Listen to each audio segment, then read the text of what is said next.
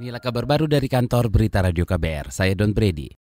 Pernyataan Presiden Joko Widodo terkait dengan hukuman mati bagi koruptor mendapat tanggapan Dewan Pengarah BPIP Syafi Ma'arif. Menurutnya, hukuman mati bagi para koruptor tersebut perlu dipertimbangkan apabila mempunyai alasan yang cukup. Asal alasan cukup, saya rasa ya ciru Cina, di Cina kan begitu. Memang korupsi ini kan sudah keterlaluan ya, sudah menggurita begitu rupa ya. Dan itu juga salah satu penyebab kemiskinan kita belum selesaikan itu ya. Jadi saya perlu dipertimbangkan lah ya secara hukum dan secara keadilan. Syafi'i Ma'arif menekankan korupsi di Indonesia sudah sangat memprihatinkan sebab hal tersebut sudah menggurita dan menjadi salah satu penyebab kemiskinan yang terjadi di Indonesia tak kunjung tuntas.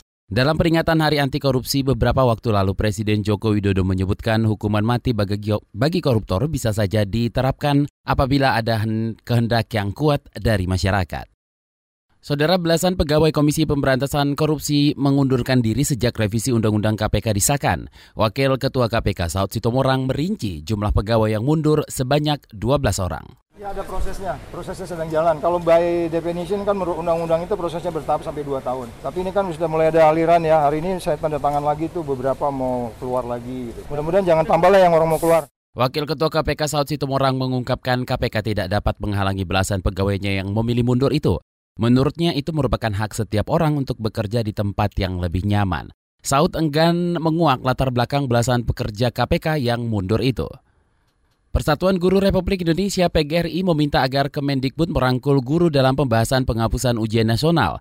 Ketua Umum PGRI Unifah Roshidi menceritakan masih banyak guru yang belum mendapat sosialisasi perubahan penilaian kompetensi siswa yang akan diberlakukan mulai 2021.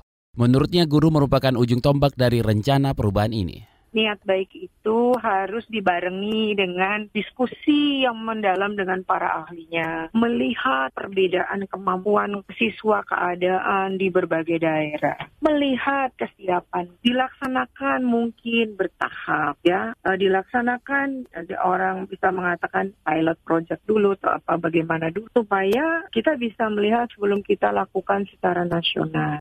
Ketua Umum PGRI Unifah Roshidi juga menyarankan Mendikbud untuk memperhatikan dampak terhadap kecakapan keseluruhan murid atas perubahan sistem ini. Dari berita olahraga, saudara empat wakil Indonesia akan menjalani laga penentuan untuk mendapatkan tiket menuju babak semifinal bulu tangkis dunia World Tour Finals 2019 di Tiongkok hari ini. Wakil yang lolos ke semifinal yakni ganda putra Markus Gideon Kevin Sanjaya, ganda campuran Hafiz Faisal Gloria Wijaya, serta dua tunggal putra Antoni Sinisuka Ginting dan Jonathan Christie. Sementara itu ganda putra Muhammad Ahsan Hendra Setiawan sudah dapat dipastikan lolos ke semifinal setelah mengantongi dua kemenangan sebelumnya.